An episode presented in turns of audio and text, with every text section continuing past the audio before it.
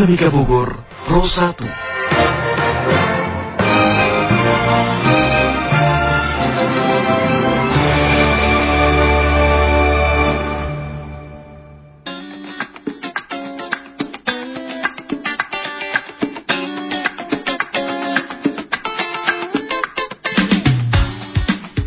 Selamat pagi dan salam jumpa pendengar. Kembali dalam Miko Bogor Call for Community hadir ke ruang dengar Anda dalam 60 menit ke depan bersama saya Diva Janugraha. Dan yang tadi sudah disampaikan oleh rekan Marisa bahwa hari ini kita kedatangan oleh dari teman-teman komunitas apa pencinta atau pehobi sepeda ya? Pehobi ya? Pehobi ya, Pehobi. pehobi sepeda yang dari pagi saya aja kalah ya datang ke sini. Lebih duluan teman-teman datang ke sini ya dari jam 7 katanya. Nah, eh, ada teman-teman dari komunitas pehobi sepeda ada yang pertama saya kenalkan ada Kang Dodi. Ya, selamat pagi, assalamualaikum. Pagi Kang Dodi. Ada juga Kang Iwa, Kang Iwa. Selamat pagi Kang Iwa. Assalamualaikum, selamat pagi semuanya. Ada juga Kang Widi ya Kang Widi. Siap. Selamat pagi Kang Widi. Pagi. Ada juga di one and only nih yang yang paling cantik Teh Winda. Eh, ada Teh Marisa ya, ada dua ya. ada dua yang pa- paling cantik. Karena di sini laki-laki semua loh. iya. Dua. Ada dua ya, ada dua. Jadi kan sendiri ya. Oke. Ini eh, teman-teman dari rumah tadi pakai sepeda ya? Eh, kebetulan sekarang hari Jumat, Mm-mm. kalau Jumat emang ada jatah jatah pribadi ya buat goyah santai ya. Mm. Udah tadi kebetulan hari ini ada acara di RRI ya udah dari rumah sepedaan santai aja. Sepedaan ya. Iya. Tapi nggak jauh ya? Apa jauh banget? Enggak sih, disemplak doang di sini. Lumayan.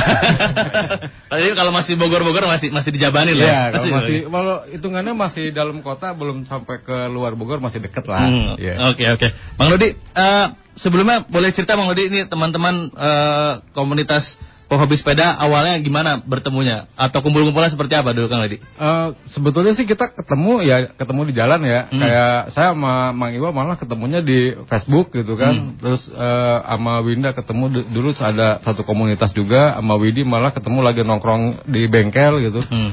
Eh, jadi emang ketemu Jadi orang-orang random sebenarnya awalnya gitu random sebetulnya random random gitu eh, tapi kita kebetulan punya hobi yang sama Hmm. gitu kan. Eh eh, sepedaan bareng ke mana-mana. Apalagi kalau buat di Bogor tuh kalau menurut saya ya Hmm. eh, Bogor tuh lumayan surga lah kalau buat sepeda gitu. Iya. jadi banyak beberapa spot di Bogor juga yang eh, dari Jabodetabek dikejar. Misalnya kayak Bendungan Katulampa gitu kan. Itu banyak yang dari luar Bogor tuh ngejar buat sampai ke sana. Terus ada lagi eh, yang cukup fenomenal tanjakan demit gitu ya. Itu di daerah Ciomah sana lumayan terjal gitu. Itu sampai dari beberapa kota eh, ngejar. Cuma buat ny- nyobain tanjakan Mau nyobain ke situ? Iya 700 meter doang panjangnya. Tujuh, oh, tujuan. Panjangnya cuma 700 meter. Terus ada lagi satu lagi tanjakan yang ke Ciparai yang Maiwa ya namanya Ya, Ciparai. Nah itu lumayan panjang juga. Itu lebih panjang dari Demit gitu. Tapi buat beberapa orang malah nggak tahu ya orang ke sepedaan kenapa nggak tanjakan tuh dibilang ikon gitu ya. Mhm. termasuk sama ke puncak gitu kan. Ka- kalau kita lihat pagi-pagi ini banyak orang mau nanjak-nanjak ke puncak itu ngapain juga tapi ya ternyata ya beda lah emang eh, challenge-nya di situ kes- kesenangannya di situ belum lagi kalau di Bogor mau ke mau main tanah nggak terlalu jauh masih banyak lahan yang masih hijau gitu ya Ada suatu kepuasan mungkin ya kalau misalkan Iya. naik Iya, sepeda iya, nyobain iya. apa namanya trekking-trekking kayak gitu ya, iya. Bang Iwa. Jadi eh, apa? eh, mereka nyari kesenangannya sendiri beda Hmm, gitu. hmm, Misalkan kalau misal kita jalan eh, touring pakai motor ke puncak gitu, Hmm. itu mungkin satu atau satu jam udah nyampe lah gitu. Hmm. Tapi kalau eh, pakai sepeda bisa sampai duduk di gado gitu, kecapean, hmm, hmm. nanjaknya itu Hmm. yang dinikmatin gitu. Hal-hal seperti itu yang dinikmatin. Karena kalau ja- kalau jalan datar-datar aja juga nggak seru ya. nggak seru. Eh, Eh, nggak seru, Nggak seru. nggak seru. Nggak nggak seru. Eh. Mungkin besok-besok boleh dicoba itu tanjakan si Tinjau Lawik tuh. Yang di Padang. Oh, boleh itu. itu truk aja nggak nggak nggak. yang meliuk-liuk itu. Yang meliuk-liuk itu tuh mungkin boleh dicoba. Tunggu sponsor om. Kalau ada sponsor gitu berangkat tuh. mungkin abis ini ada apa trekking dari Bogor ke Padang kali ya? Eh, mungkin tiga bulan kali ya kalau itu ya. Tiga bulan. Oke. Tapi eh kamu mau ke Kang Widi, Kang Widi. Siap. Ini sebagai juga eh, dari kampus ya, Ya, dari PB ya, back, back, back to kampus ya. Back to kampus. Nah ini gimana se- seberapa banyak anak- anak-anak atau mahasiswa-mahasiswa yang memang kan kalau kita sering familiar dengan back to work ya, Hmm. back to work. Tapi ternyata ada juga back to kampus. Nah ini gimana anak-anak mahasiswa? ada itu di sudah diprogramkan sudah beberapa tahun ke belakang cuman uh, sudah di launching di tahun 2020 ini karena Hmm. memang direncanakan itu untuk program 2020 gitu kan Mhm. kebetulan IPB sendiri mensupport untuk sepedanya Hmm. mereka mengadakan sepeda itu menyediakan sepeda maksudnya di PB itu udah sekitar eh, hampir dari 100 unit gitu. Oh, dari kampus menyediakan? Iya, dari kampus menyediakan untuk mahasiswa, untuk mahasiswa sendiri untuk goes sekitar kampus gitu Oke, kan. oke. Dan sekarang pun uh, hari ini kebetulan uh, dari Sekretaris Institut uh, IPB Hmm. mengadakan goes rutin tiap Jumat. Setiap Jumat? Setiap Jumat. Oke. Gitu. Jadi hari Sabtu pun kebetulan besok uh, ada rencana untuk goes tracking mapping di IPB di dalam Hmm. IPB gitu. Dan di kampusnya sendiri mungkin udah disediakan parkir memang khusus buat sepeda? ada, ada, ada Ada shelter ya? sepeda juga di tiap titik udah ada, ada siap. Gitu. Karena kayaknya hampir ya saya banyak menemui spot-spot memang yang ada sepeda apa namanya yang besi-besi itu ya, Ya, buat ya, parkir sepeda buat ya. parkir sepeda. Termasuk di depan kita ini yang di eh, Jalan Pajajaran itu kan ada dulu Ya. kayaknya apa namanya kerjasama dari Pemkot ya, Ya, betul. disediakan Iya. sepeda disewain itu ya. Hmm. Nah oke, Teh Winda juga Teh Winda sebagai penghobi sepeda punya pengalaman apa Teh Winda selama ini Teh Winda? Emang Pengalaman saya Hmm, karena ya, jarang kayak cewek itu hobi sepeda atau Oh, mungkin udah mulai banyak sekarang. Udah mulai banyak sekarang ya? Sepeda dari kalang perempuan. Karena Hmm. kita Tapi juga tetap ada dianggapnya laki-laki. tetap. Karena- tenaganya tenaga laki-laki gitu. Kalau kalau nanya kita ditinggalin sama cewek. Nggak tahu kenapa cewek-cewek nggak tahu pada kuat nanjak, bingung kita juga. Udah jadinya beda kan. Ya, beda. Tapi, tapi emang hobi sepeda juga Winda ya. Saya mulai hobi sepeda dari 2000 mulai dari 2015 ya. Hmm, hmm, hmm. Tapi kalau bergelut dengan anak-anak sepeda itu mulai dari 2013 saya itu yang saya pertama kali kenal itu Bike to Walk Goel Bogor. Hmm. Gitu nah akhirnya eh, sedikit keracunan-keracunan 2015 masuk ke situ Hmm, hmm. ke pertama kali ke Bike to Walk Goel Bogor itu. Karena emang sebelumnya juga punya kebiasaan apa pergi ke kantor pakai sepeda juga apa enggak? Enggak. Enggak. Enggak. Cuma pas eh, ngerasain manfaatnya eh, ya luar biasa enak ya Mhm. pakai sepeda bisa menikmati udara, pemandangan. Terus ya itu kalau ngelewatin tanjakan itu sesuatu kepuasan tersendiri Tuh, lah. Hmm. cewek loh. Cewek. Cewek, cewek ya ya mungkin teman-teman yang laki-lakinya lama-lama kalah juga tenaganya. Eh, jadi dia salah satu yang ngajarin saya nanjak sebetulnya. Justru yang ngajarin cewek, cewek ya yang ngajarin nanjak. Oke, oke, oke. Jadi lumayan ada eh, kalau di pasir angin ya dari Hmm. pasir angin itu ada tanjakan lumayan panjang juga Hmm. gitu kan. Eh, itu banyak orang yang gue di situ. Jadi waktu itu saya emang agak ketetaran buat nanjak. Hmm. Terus eh, sekalinya bareng sama dia pun nanjaknya enak gitu. Hmm. Akhirnya eh, diajarin nanjak sama dia. Hmm. Dua kali akhirnya nyampe juga ke tanjakan pasir angin ya nggak turun nggak kaki nggak turun gitu. Hmm. Terus nanjak gitu. Ya, karena apa? Saya pun naik sepeda kalau nanjak gitu aja udah enggak. Mungkin apa butuh butuh perlatihan pernapasan juga ya.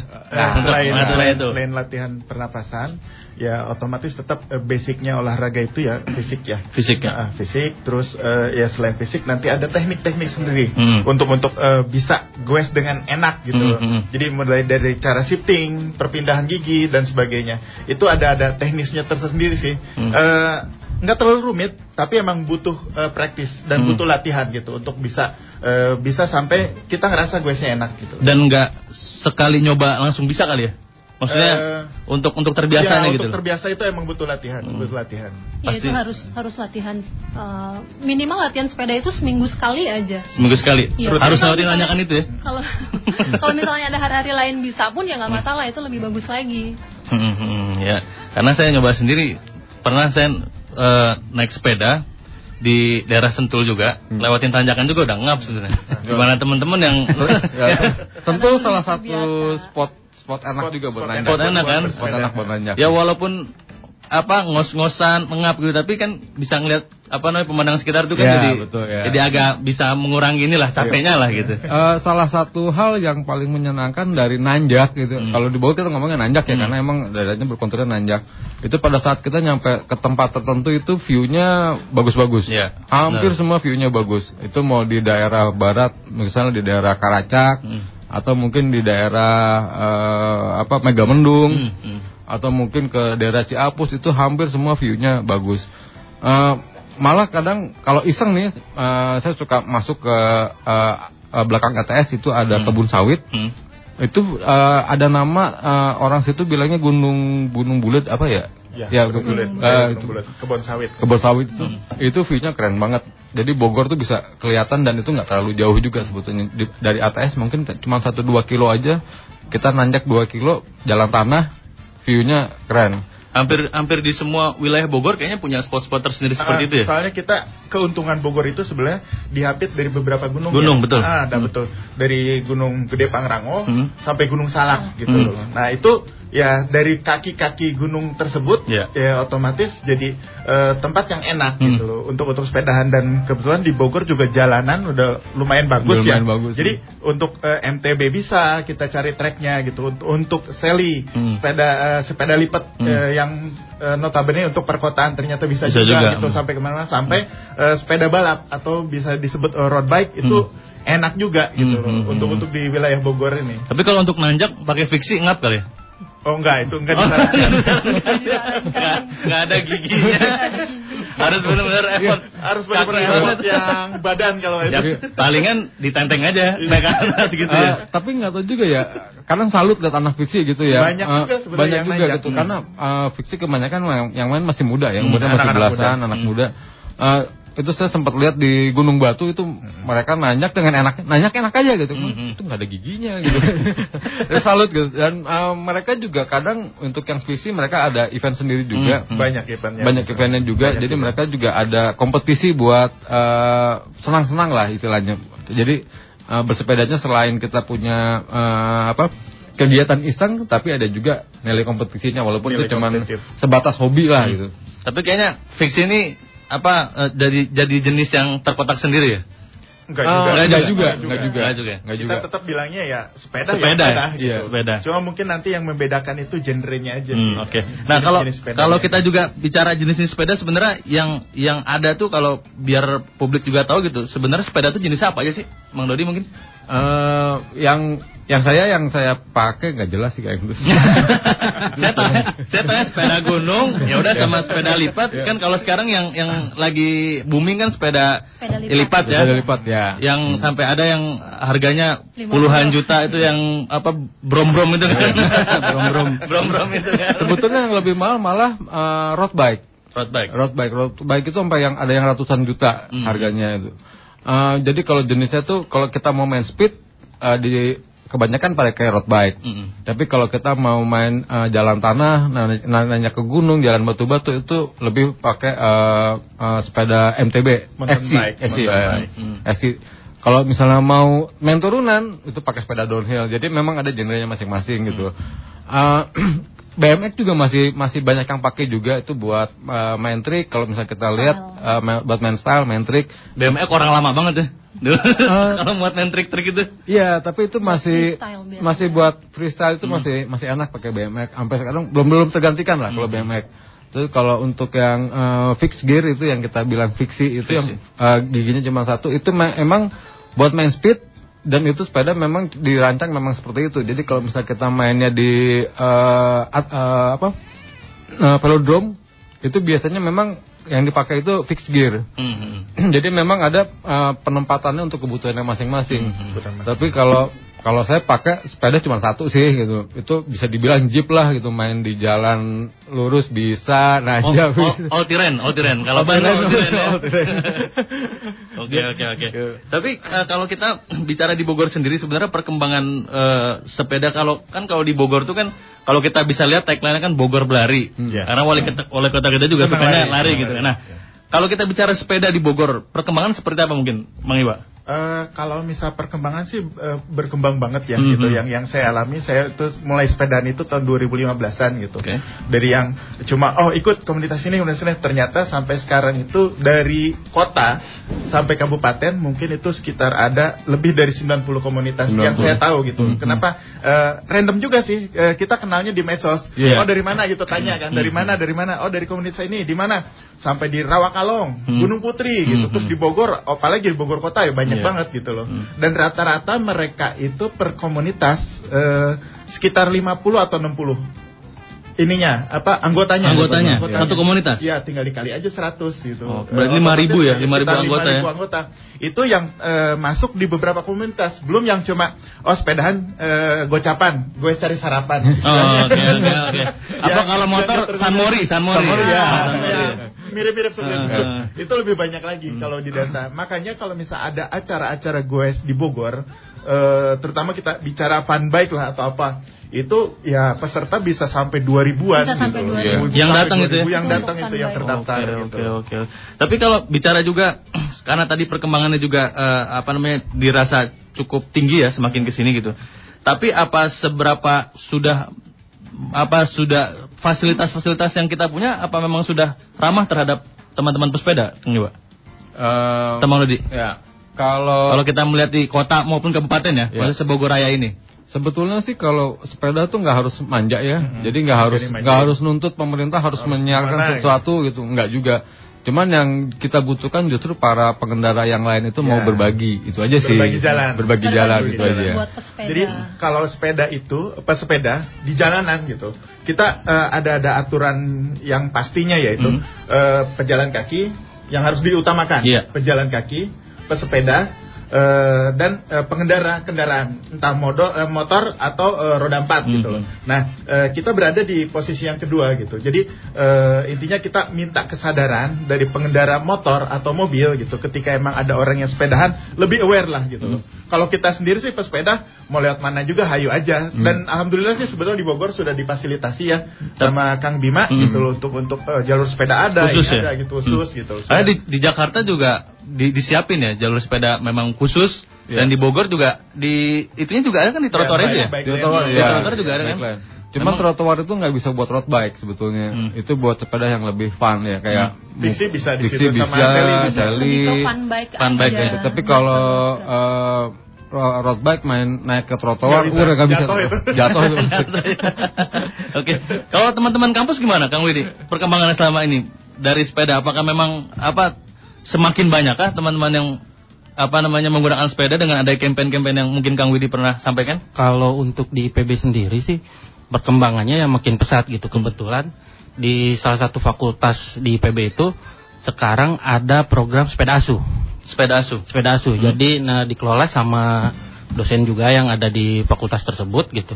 Dan mereka menyediakan sepeda nanti uh, bisa digunakan oleh si mahasiswa tersebut Hmm. untuk uh, berkeliling kampus itu untuk kuliah misalnya Hmm, gitu. hmm. Jadi mereka dikasih tanggung jawab intinya kalau mau sepeda harus bisa dirawat dan harus dipakai. Hmm, Gitu. oke, oke. Terus tiap minggu juga kebetulan ada program mereka sering gue keluar kampus gitu kan. Hmm, hmm. Tujuannya nggak terlalu jauh sih paling uh, agak nanjak sedikit ke Ampera gitu Hmm, kan. hmm. Terus kalau nggak ke Ampera ya paling ke Sempur gitu kan. Yang yang acara rutin aja hanya untuk bersilaturahmi lah intinya Hmm. dengan dengan komunitas lain gitu. Kan sebenarnya mungkin tujuan dari eh, teman-teman kampus eh, melakukan ini kan untuk apa namanya eh, green campus tadi ya, Betul, betul. untuk green campus tadi. Tapi apakah memang sudah diimplementasikan di dalam kampus sendiri? Artinya kayak misalkan di beberapa perusahaan atau di beberapa instansi itu kayak dia mau pindah dari gedung satu ke gedung satu dia pakai sepeda, maksudnya udah nggak perlu pakai kendaraan. Apa itu juga diaplikasikan di IPB sendiri? Sebetulnya sudah diaplikasikan dari beberapa tahun lalu waktu rektor sebelum yang sekarang rektor yang Hmm. sekarang itu sudah mencetuskan Green Campus dan mereka sudah konsen untuk uh, apa namanya menyediakan sepeda untuk program Green Campusnya sendiri ya mereka udah menganjurkan kalau ke mana-mana bisanya apa kalau bisa pakai sepeda gitu. Hmm, hmm. Saya sendiri kalau misalnya sedang tidak ada pekerjaan yang sibuk di kantor gitu di PB-nya sendiri, saya kadang dari rumah sampai ke, ke Karawang. itu. Rumah rumahnya di mana? Nah, kalau rumah masih sekitaran Dramaga juga. Oh, gitu. oke. Masih dekat lah, Masih cuman deket ya? cuman cari trek yang lebih jauh gitu. Cari biar biar jauh. biar ada keringetan dikit gitu. Malu sama Om Bobi gitu. Misalkan dia dari rumah ke kampus itu cuma satu kilo, Hmm. muter dulu dia. Oh, sengaja nyari trek yang jauh dulu. Iya gitu. Tapi untuk melindungi IPB bukannya lumayan ya? Lumayan terakhir ketika ada acara komunitas di PB itu Hmm. kita coba trekking hanya lingkar IPB saja Hmm. lumayan waktu sudah 6 kilo setengah 6 kilo kalau muterin itu. tuh Luasan mana sama UI ya? Kayaknya luasan IPB. PB. Luasan IPB. Iya. Kalau wilayah luasan IPB. lebih luasan IPB Terus wilayah. di IPB juga ada tanjakan lumayan fenomenal ya, tanjakan 100 ribu. Tanjakan ya. 100 ribu. Iya. Tan- Tanyakan seratus ribu. Tanjakan 100 ribu. Ada sejarahnya tuh. Jadi dulu itu sebelum jalannya diperbaiki, di, di- maksudnya di aspal gitu kan, itu jalannya kan batu kan. Hmm. Nah siapa yang bisa lewat situ dapat eh, rewardnya Seratus ribu. Eh. Yang yang ngasih siapa seratus ribu? Yang ngasih ada setiap setiap yang ya biasanya kan kita muter di situ kan, gitu kan nanti mengadakan challenge di situ. Oh, gitu. Khusus tanjakan di sini gitu. Rata-rata nggak bisa. Baru Om Dodi saja. Oh? Oh, Om Dodi dapat seratus ribunya? Dapat seratus ribu. Kenapa nggak bisa? Maksudnya apa se ekstrim itu tanjakan Jalan, apa? jalannya lumayan Jalannya lumayan hancur, licin. licin gitu kan. Itu. Udah hancur terus licin. Licin. Sepeda apa yang bisa naik ke situ? Sepeda. Sepeda Om Dodi. Sepeda nggak jelas yang bisa naik. tapi tapi nggak ditenteng kan kalau di Ya enggak emang harus harus naik. Eh, full Pelan-pelan. goes dari bawah Nah, pelan-pelan. Nah kalau dari pengalaman Mang Dodi yang kalau tadi dibilang katanya belum ada yang bisa ngelewatin itu, apa challenge-nya yang yang Om Dodi rasain gitu? Eh, sebetulnya sih cuma penasaran aja ya, masa sih nggak bisa gitu Eh, kan? eh. Eh, eh, itu sebetulnya tinggal kita main sabar Hmm. gitu kan, main eh, main teknik, jangan guru musuh gitu ya. Kalau eh, jadi ya pelan aja, Hmm. jadi nggak. Kalau orang kadang-kadang ketemu tanjakan itu eh, nanjak full power, maksain gitu kan. Ya itu berakibat bisa ke jantung sebetulnya. Hmm, hmm, hmm. Kalau saya sih bodo amat mau dibilang pelan ditanjakan yang penting ujungnya nyampe gitu kan. Ya jadi pelan-pelan aja ya nyampe gitu kan. Tapi memang sesulit itu, Kang Mang Eh, nggak sesulit jalurnya Mang Iwa sebetulnya. Jadi kalau Mang Iwa, kalau saya cuma tanjakan seratus ribu, kalau Mang Iwa itu ke Gunung Salak pakai sepeda. Serius ke Gunung Salak? Eh serius. Jadi eh, kita ada mm, salah satu komunitas ya. Mhm. Tapi saya sih sebetulnya di eh, main MTB Hayu gitu, Mhm. di road bike juga Hayu gitu loh. Eh, jadi ada eh, ada acara biasanya tahunan dan Winda juga banyak acara tahunan mungkin nanti kita buka juga gitu. Mhm. Eh, ada namanya eh, Salak Mountain Loop. Kalau nggak Halimun Loop, itu benar-benar muterin Gunung Salak Dari bawah. dari bawah, dari Darmaga eh, ke arah Curug Ciparai, Mhm. tembus eh, sampai hiking, Mhm. Japanaspa, Cidahu, pulang lagi muter lagi. Seperti itu. Dan, itu- kalau yang dan itu yang saya bingung kenapa namanya jalur es krim.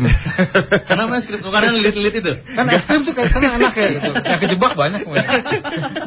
Jadi itu plesetan-plesetan aja sih. Ah, Oke oke. Tapi gimana pengalaman itu, Kang Iwa?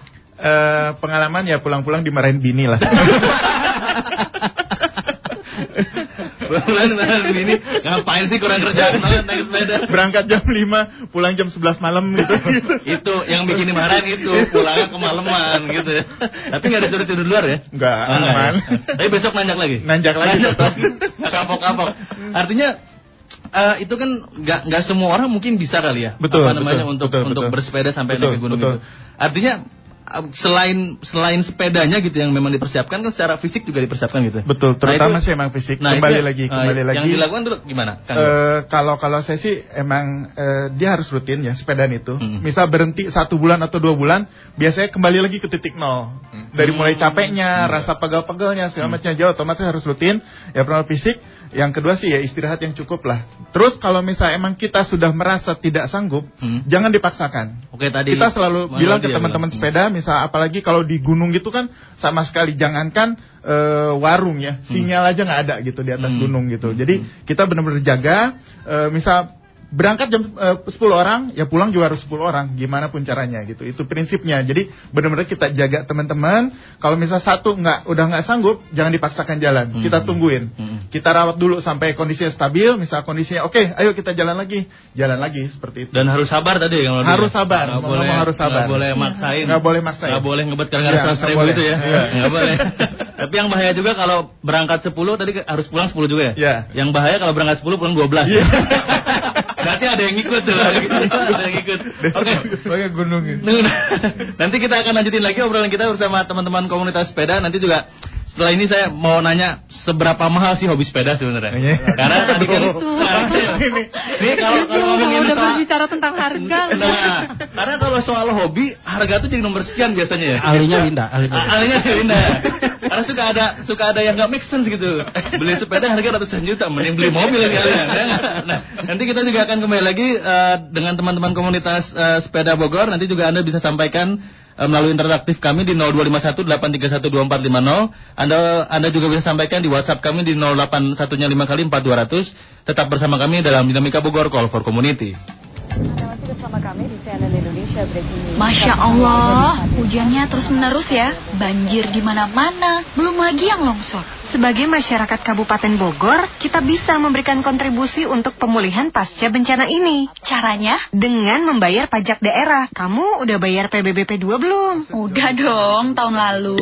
Ye, gimana sih? Bayar PBBP 2 itu setiap tahun. Mulai bulan Februari sudah bisa dibayarkan. Tapi kan aku belum dapat SPPT-nya. Gampang, catat NOP-nya tanpa harus bawa SPPT. Untuk mengetahui berapa pembayarannya, bisa dicek melalui IPBB. Dan tempat bayarnya juga banyak kok. Bisa melalui teller atau ATM Bank Jabar, BRI, Indomaret, dan Bukalapak. Oh, enak dan mudah ya. Oh iya, tahun 2020 Pemkap Bogor mengeluarkan beberapa kebijakan loh, yaitu memberikan pembebasan PBBP 2 kepada veteran pejuang kemerdekaan, veteran pembela kemerdekaan, penerima tanda jasa bintang gerilya, mantan bupati, mantan wakil bupati, dan mantan sekretaris daerah terhadap tanah atau rumah yang menjadi tempat tinggalnya saat ini. Selain itu, PBBP 2 dengan nilai sampai dengan Rp50.000 dibebaskan pembayaran pajaknya, tapi hanya untuk perorangan ya, tidak untuk yang berbadan hukum. Terus, ada program penghapusan sanksi administratif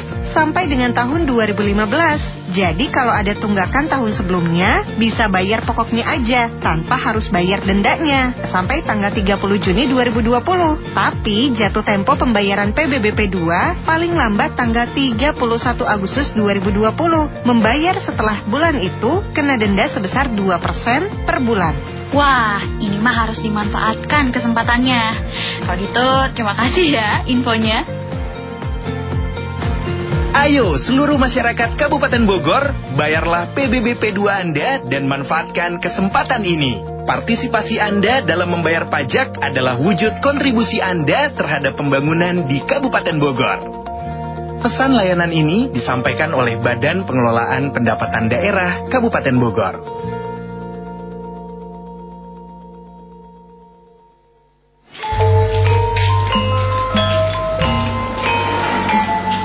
Gaya pareng, gaul angsal, keren sae, nanging tetep ngagem kesopanan.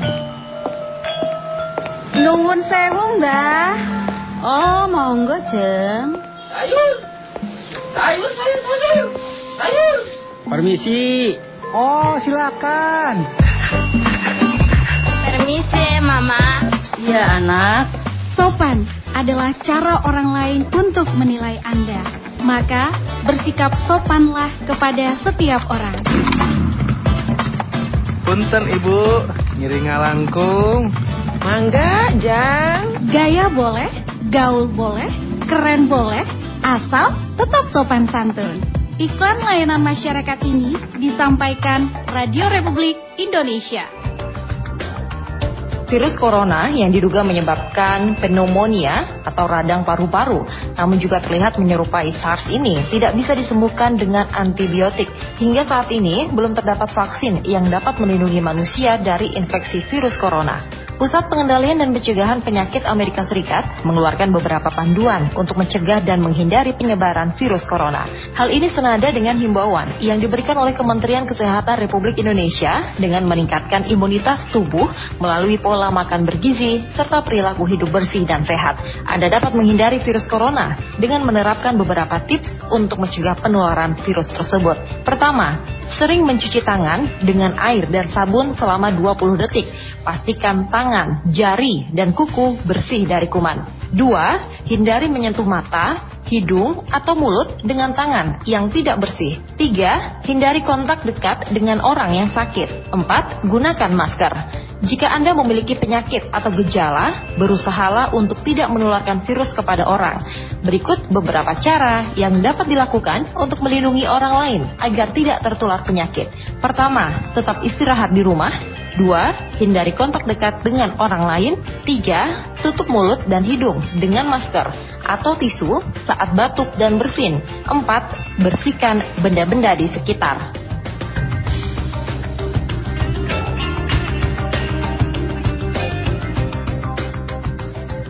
Konser Kebangsaan Cinta Indonesia. Cinta Indonesia. Anak muda, ayo bela negara. Menghadirkan Firza. Wahyu Selo. Nabila Gomez. Artis bintang radio, Tova and Star Big Band, Riau Street Musician, Lucky Seven Band, dan pesan kebangsaan. Sabtu, 28 Maret 2020, pukul 17 hingga 22 waktu Indonesia Barat, di Alun-Alun Keputri, Batam Center. Jangan sampai terlewatkan ya, konser kebangsaan Cinta Indonesia. Anak muda, ayo bela negara. Kerjasama Radio Republik Indonesia dengan Kementerian Pertahanan, Kementerian Komunikasi dan Informatika, serta Pemerintah Kota Batam. Didukung oleh Telkom Indonesia. Kanal Inspirasi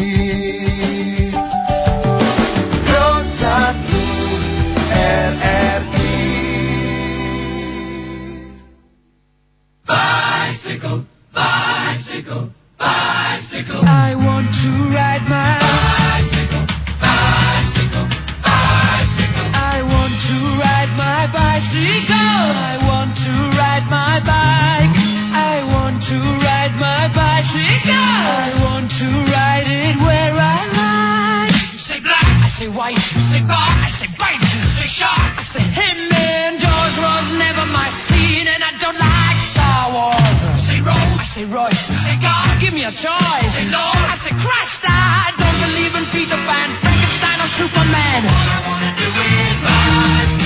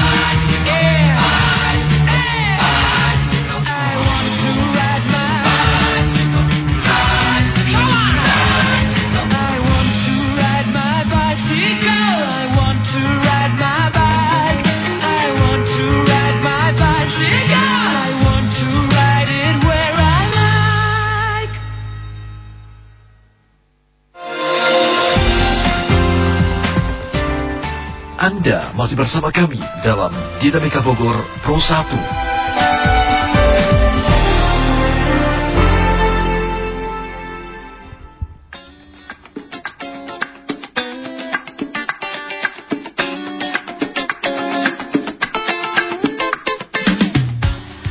Masih dalam Dinamika Bogor Call Community masih juga bersama dengan teman-teman komunitas pencinta sepeda Bogor masih ada Kang Iwa, ada Kang Dodi, ada Kang Widi, ada Teh Winda di Pro 1 RRI Bogor di kesempatan pagi kali ini.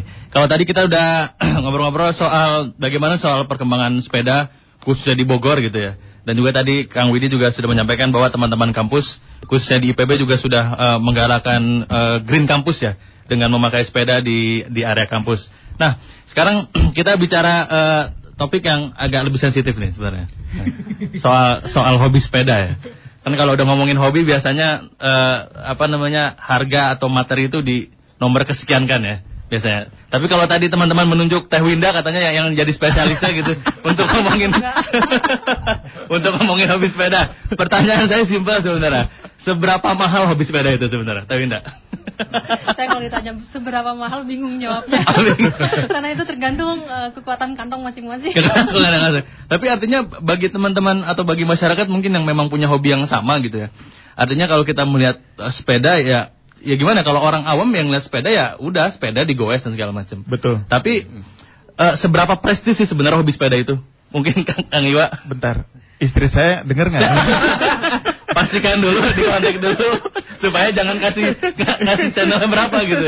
Kang Iwa STU soalnya mah. STU apa tuh? Suami takut upgrade. Upgrade sepeda ya. Jadi gini, eh, kalau misalkan eh, eh, sepedahan, sebetulnya betul. Yang penting bisa digoes, bisa jalan, sudah. Itu udah termasuk olahraga bersepeda gitu. Cuma mungkin nanti ketika emang kita sudah terbiasa akan ngerasa sendiri, wah eh, kayaknya kita emang butuh sepeda yang sesuai dengan bukan keinginan tapi kebutuhan kita gitu. Misal mau dimain di jalan tanah ya otomatis harus eh, spesifikasinya seperti A, terus main road bike berarti harus spesifikasinya seperti ini gitu. Itu ada ada ada apa eh, perbedaan-perbedaannya sendiri gitu. Dan kalau misal ngomong harga sih ya eh ya Ada yang relatif. relatif. ya? Relatif. Dan sesuai kebutuhan juga mungkin. Sesuai kebutuhan juga. Jadi eh, kalau ngomongin harga itu kan beberapa spare part emang ada kelas-kelasnya ya. Ada kelas. Enggak, eh, eh, apa spare part yang kelasnya di bawah pasti harganya lebih murah. Bukan berarti nggak bisa dipakai dan jelek enggak, tapi kalau orang mulai sepeda ya mulai dari yang di kelas bawah aja dulu gitu karena harga yang kelas bawah sama yang kelas atas itu bisa empat kali lipat gitu. Bedanya. Bedanya, Da- eh, kapan dia harus ganti spare part itu kalau rusak. Sebetulnya gitu Kalau aja. rusak, iya. Kalau rusak.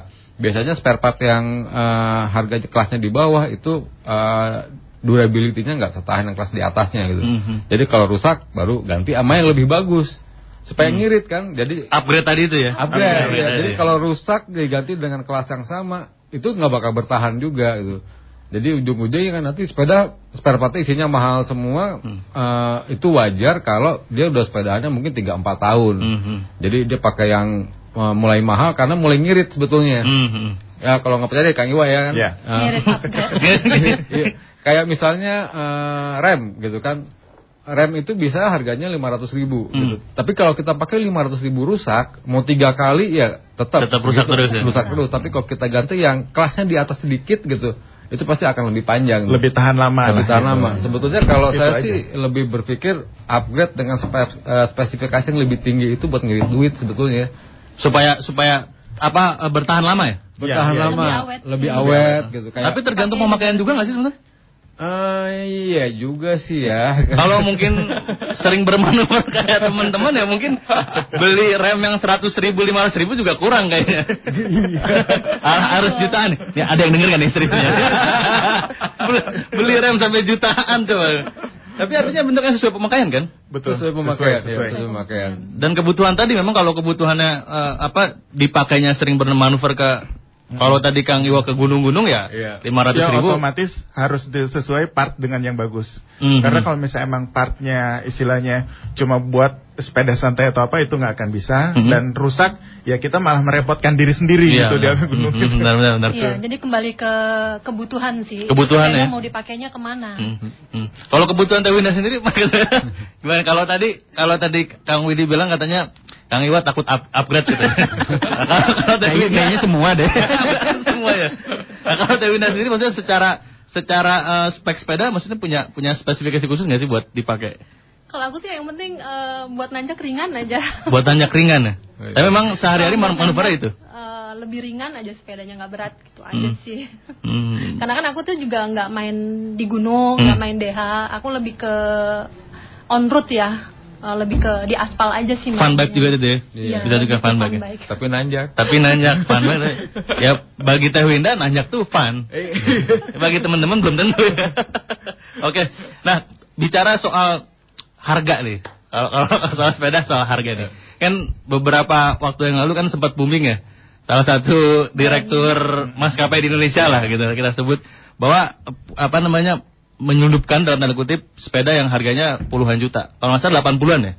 Di 60 Enam- 60-an ya, 60 juta. 60-an. Di 50 sampai 60. Apa apa memang harga sepeda itu bisa sepersis itu? Iya. Yang di atas itu banyak. Yang di atas itu, juga lebih banyak. Di Yes. atas 100 juta juga Top- ada. Nah, paling mahal yang teman-teman tahu berapa sepeda itu?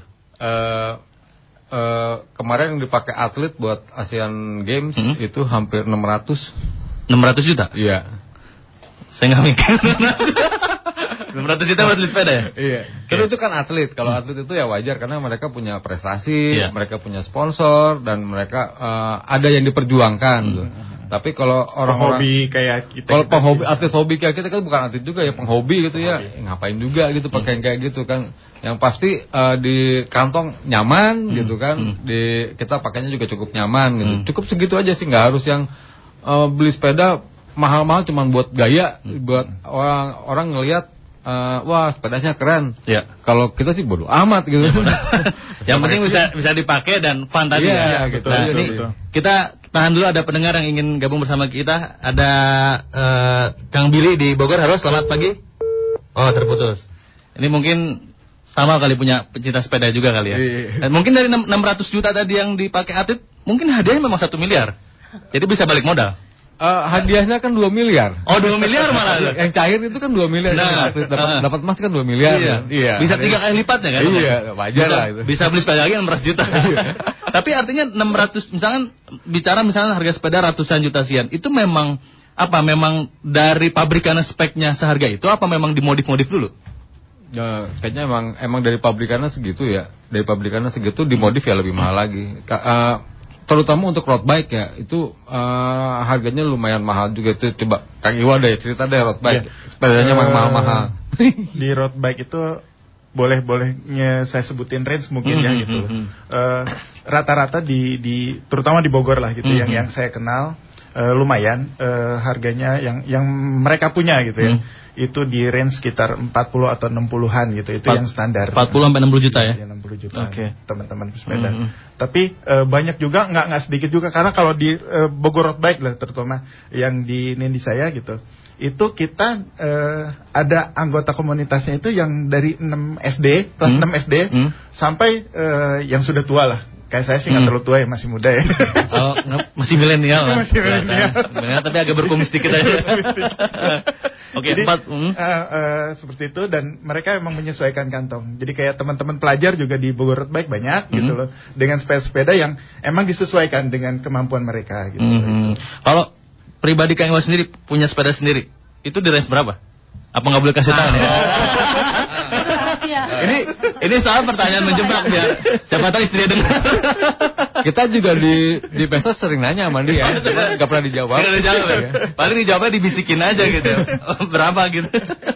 Tapi artinya segitu ya, maksudnya eh, apa namanya untuk road bike sendiri Iya. di range 40 Ya, di sampai range 60. seperti itu. Di Oh. teman-teman di Bogor lah gitu yang Hmm. saya kenal. Tapi artinya kalau pemula lah, pemula yang memang mungkin yang mendengar kita kita eh, ingin mulai Ingin untuk mulai hobi mob- apa ya. eh, sepeda itu bisa di range berapa berarti? Saya saya bicara di road bike dulu mungkin ya itu. Mhm. Eh, banyak kok brand-brand lokal gitu Iya. dari eh, saya boleh sebut merek nggak?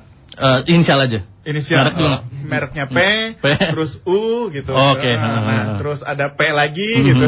Itu yang familiar ya? Yang familiar, Iya. yang familiar di, Indone- di Indonesia dan itu merek lokal di range harga sekitar 10-an juga udah bagus kok itu udah bisa dipakai gitu. 10 juta ya? Iya, 10 Hmm, juta. Oke, oke. Tapi oke, kalau oke. misalnya dia baru mau mulai, eh, itu eh, yang merek U dan P tadi Nah. itu kan sebetulnya ada yang model yang kelas sepeda gunung itu ya harganya dua setengah sampai 3 juta Hmm. gitu. Itu agak lebih eh, kalau misalnya baru mau mulai ya cukup pakai segitu dulu deh gitu. Hmm. Toh ntar juga lama-lama dia pasti gantinya lebih mahal gitu kan. Nanti dia udah mulai mikir, oh, gua mau upgrade nih katanya. Gua upgrade sepeda. Gak cukup segini doang nih karena kebutuhan tadi. ya. Iya, karena kebutuhan. Nah, gitu. artinya Tuhan dan diracunin. Nah, abis ini takutnya saya diracunin. saya punya pengalaman sepeda saya hilang. Habis dari situ udah saya nggak mau lagi. Tapi artinya memang eh, harga tuh nggak menipu ya. Nggak, artinya secara kualitas. Kalau kita mungkin sebagai orang yang awam itu membedakannya apa dengan misalnya sepeda dengan harga 5 juta dengan sepeda harga anggaplah 500 juta gitu. Eh, Material? Uh, ya, kalau kalau untuk bicara sepeda kita nggak bisa lihat uh, merek di frame ya, Hmm. karena kadang orang kalau mobil tuh kan kelihatan, misalnya ada ada mobil tuh uh, yang bulat, yang palang tiga apa segala macam itu kelihatan, oh harganya sekian. Kalau dari body, Hmm. kalau sepeda tuh nggak bisa. Kadang-kadang yang frame-nya nggak ada mereknya, itu spare partnya harganya bisa belasan juta gitu kan, Hmm. bisa sampai puluhan juta gitu. Malah kemarin ada ada teman juga dia nggak tahu kalau eh, sepeda dia itu punya grup set yang harganya 25 juta. Oh. Grup setnya. Grup setnya? Iya. Itu dia sepeda dikasih. dikasih sama iya, dikasih terus eh dia mau ganti kita ngomong lu ngapain ganti? Ya habis yang lain pakai pakai kelasnya yang ini, mereknya Hmm. ini gitu, yang gua ini. Kita browsing, nih harga grup set lu gitu. Wah, mahal juga ya gitu ya. Hmm. Ya iya jangan lihat seperti harga karena teman gitu, Hmm. tapi sebaik- sebaiknya kita nyaman dengan barang-barangnya kita aja gitu. Hmm. Kalau misalnya segitu cukup, ya udahlah gitu, nggak usah nggak harus ganti-ganti lah gitu. Dan selama masih bisa dipakai juga ya, ya udahlah maksudnya. Iya. Kecuali Ada keinginan yang lebih gitu. Eh, biasanya kalau udah agak macet ya Kang Iwa ya, Ya. ya itu yang kita paling sering atau eh, as Bangkok itu yang Hmm. yang kayak kita Ya. sering ngalamin gitu kan. Eh, eh, badan saya kurang gak, gak terlalu besar tapi beberapa ngalamin juga as Bangkok karena eh, pakai spare part yang ya yang agak di bawah gitu kan. Setelah ganti pakai yang agak di atas ya lumayan agak irit duitnya jadi gak ganti-ganti mulu. Ganti mulu tapi invest di awalnya lumayan Lumayan. lumayan lebih gede ya. Iya, Nah. lumayan. Kalau Kang Widi sepedanya apa Kang Widi? Saya Nah, lo. Ya, sepedanya apa ya? Saya sama lah sama Nggak, kayak Kang Dodi. nggak usah sebut harganya, tapi sepedanya jenis apa?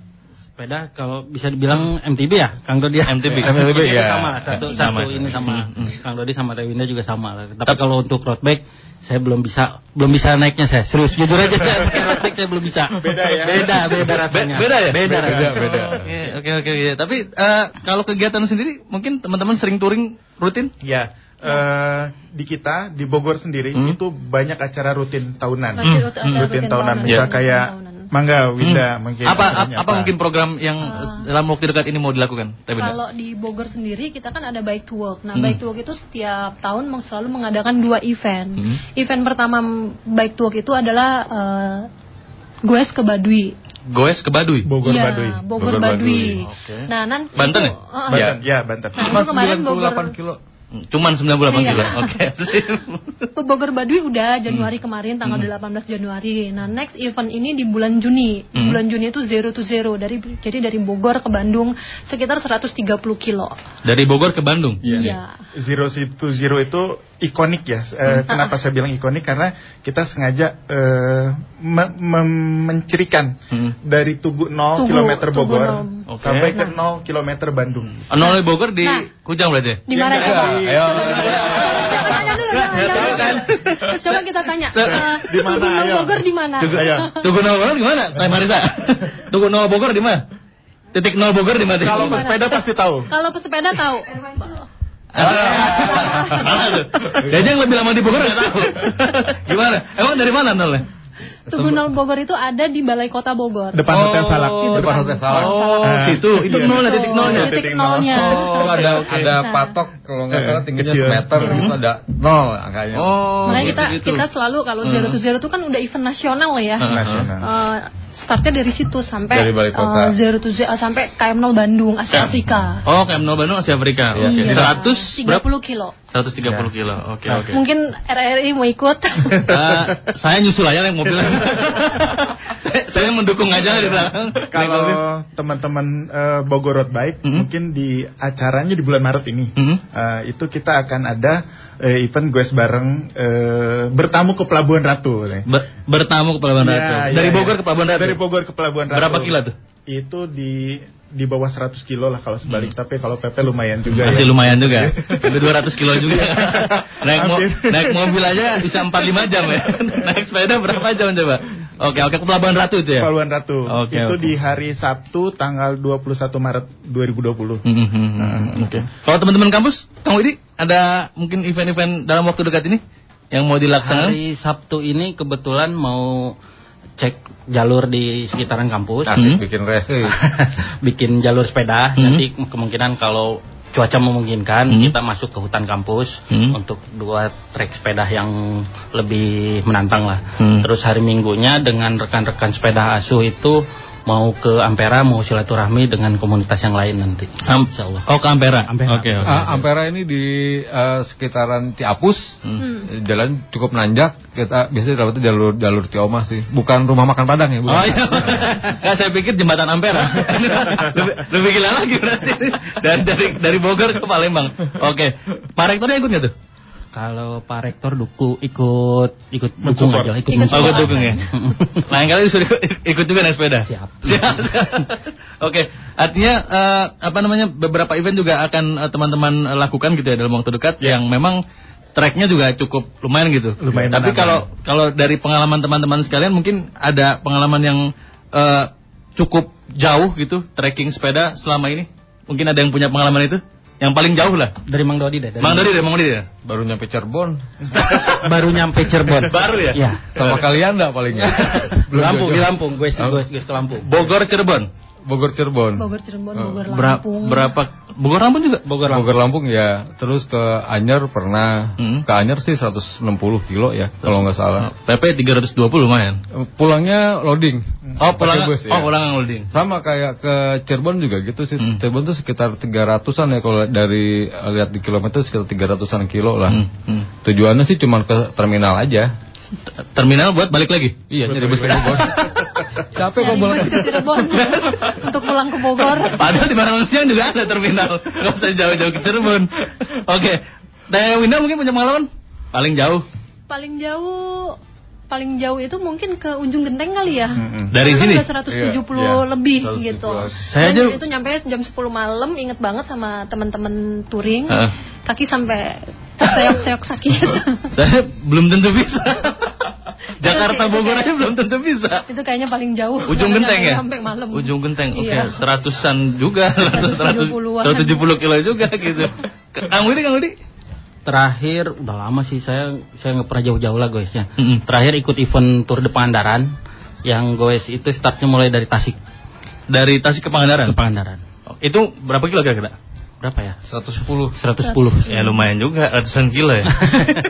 ratusan kilo, ratusan kilo. Dan dari sini ngelilingin balai kota aja juga udah ngap lumayan. Apalagi dia ngelilingin kok ini. Nah, Mang Iwa. eh, eh, Gunung Salak. Gunung Salak. Itu yang paling jauh, Mang Iwa. Apa ada yang lain? Eh, kalau sebenarnya saya emang eh, senang MTB sama road bike sih sebenarnya. Hmm, hmm. Jadi kalau misalnya di road bike itu mereka banyak acara, Hmm. itu kayak Tour de Bromo. Oh iya. Oh, nah itu terkenal banget.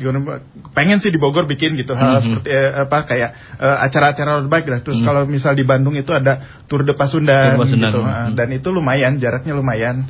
Eh, kalau untuk road bike sih emang emang harus di jalanan ya, nggak nggak bisa di eh, track lain gitu loh. Hmm. Dan mereka biasanya eh apa eh, jaraknya paling-paling 100 kiloan Hmm, atau apa hmm, gitu. Tapi hmm. mereka acaranya event-eventnya event-event besar semua Hmm. sih kalau misal untuk road bike gitu. Hmm. Tapi kalau misal pengalaman saya di MTB ya yang paling sulit dan jarak sih nggak terlalu jauh. Hmm. Cuma emang medannya sulit ya eh, Halimun Loop namanya. Jadi muterin Gunung Halimun. Gunung Halimun itu. di ya di eh, sebelah barat ya berbatasan sama Banten. Hmm, oke Gitu. oke. Mungkin nanti ke depan teman-teman juga bisa menginisiasi gitu bekerja sama dengan eh, pariwisata di Bogor gitu. Ya, ya. Artinya Ya, bikin ya, event-event ya. tadi gitu. Ya. Apa namanya touring Gunung Halimun Ya, atau ya. Salak, Pangrango segala macam kan. Hmm. Dan memang di di guidein sama teman-teman gitu.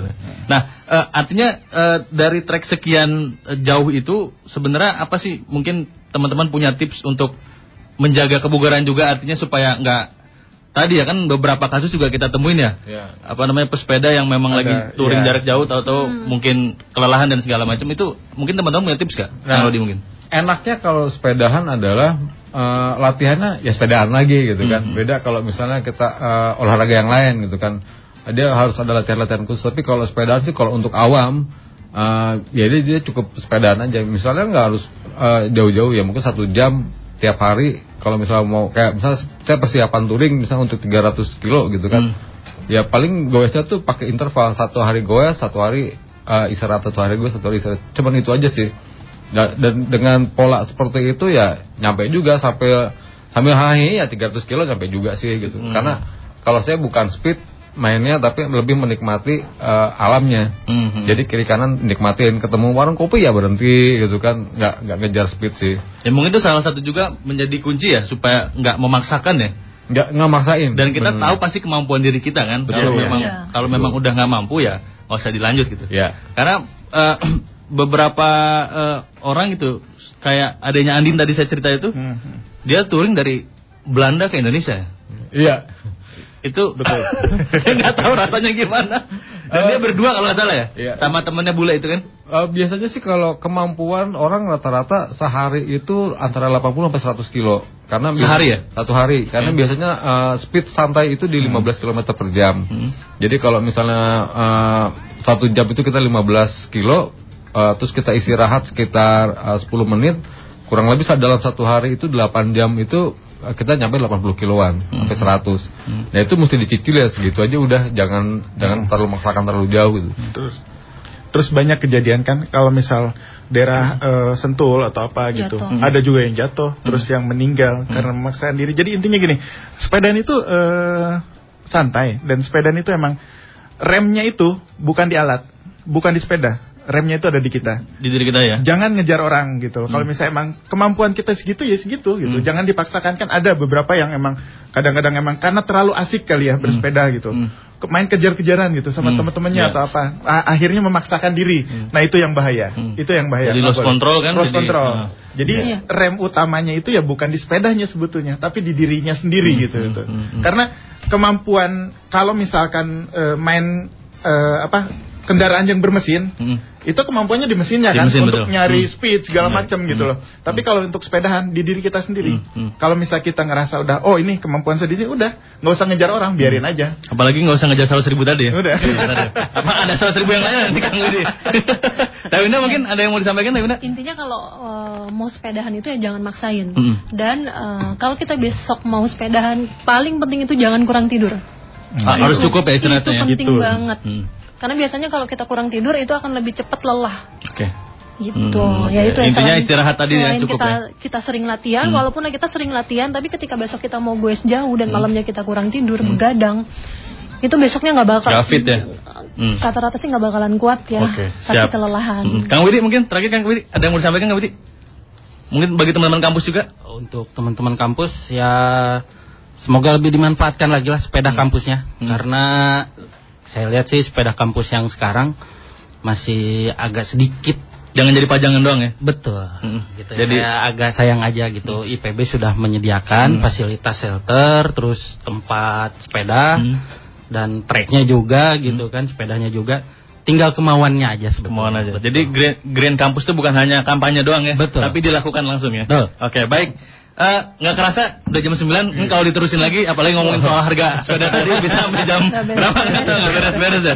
Tapi eh, eh, intinya saya jangan diracunin ya abis nih ya. Diracunin. ya. Takutnya itu diracunin. Tapi baik teman-teman terima kasih atas kehadirannya Kang Dodi, Kang Iwa, Kang Widi, eh, Teh Winda udah hadir eh, dalam Dinamika Bogor Call for Community hari ini dan terima kasih juga bagi pendengar yang sudah eh, mendengarkan kita dalam 60 menit ke belakang bersama saya di Fajar Nugraha dan eh, terima kasih juga rekan Marisa dan rekan Dedi sudah eh, ada di sini menemani saya dan akhir kata saya di Fajar Nugraha beserta kru yang bertugas pamit undur diri dari ruang dengar Anda. Wassalamualaikum warahmatullahi wabarakatuh.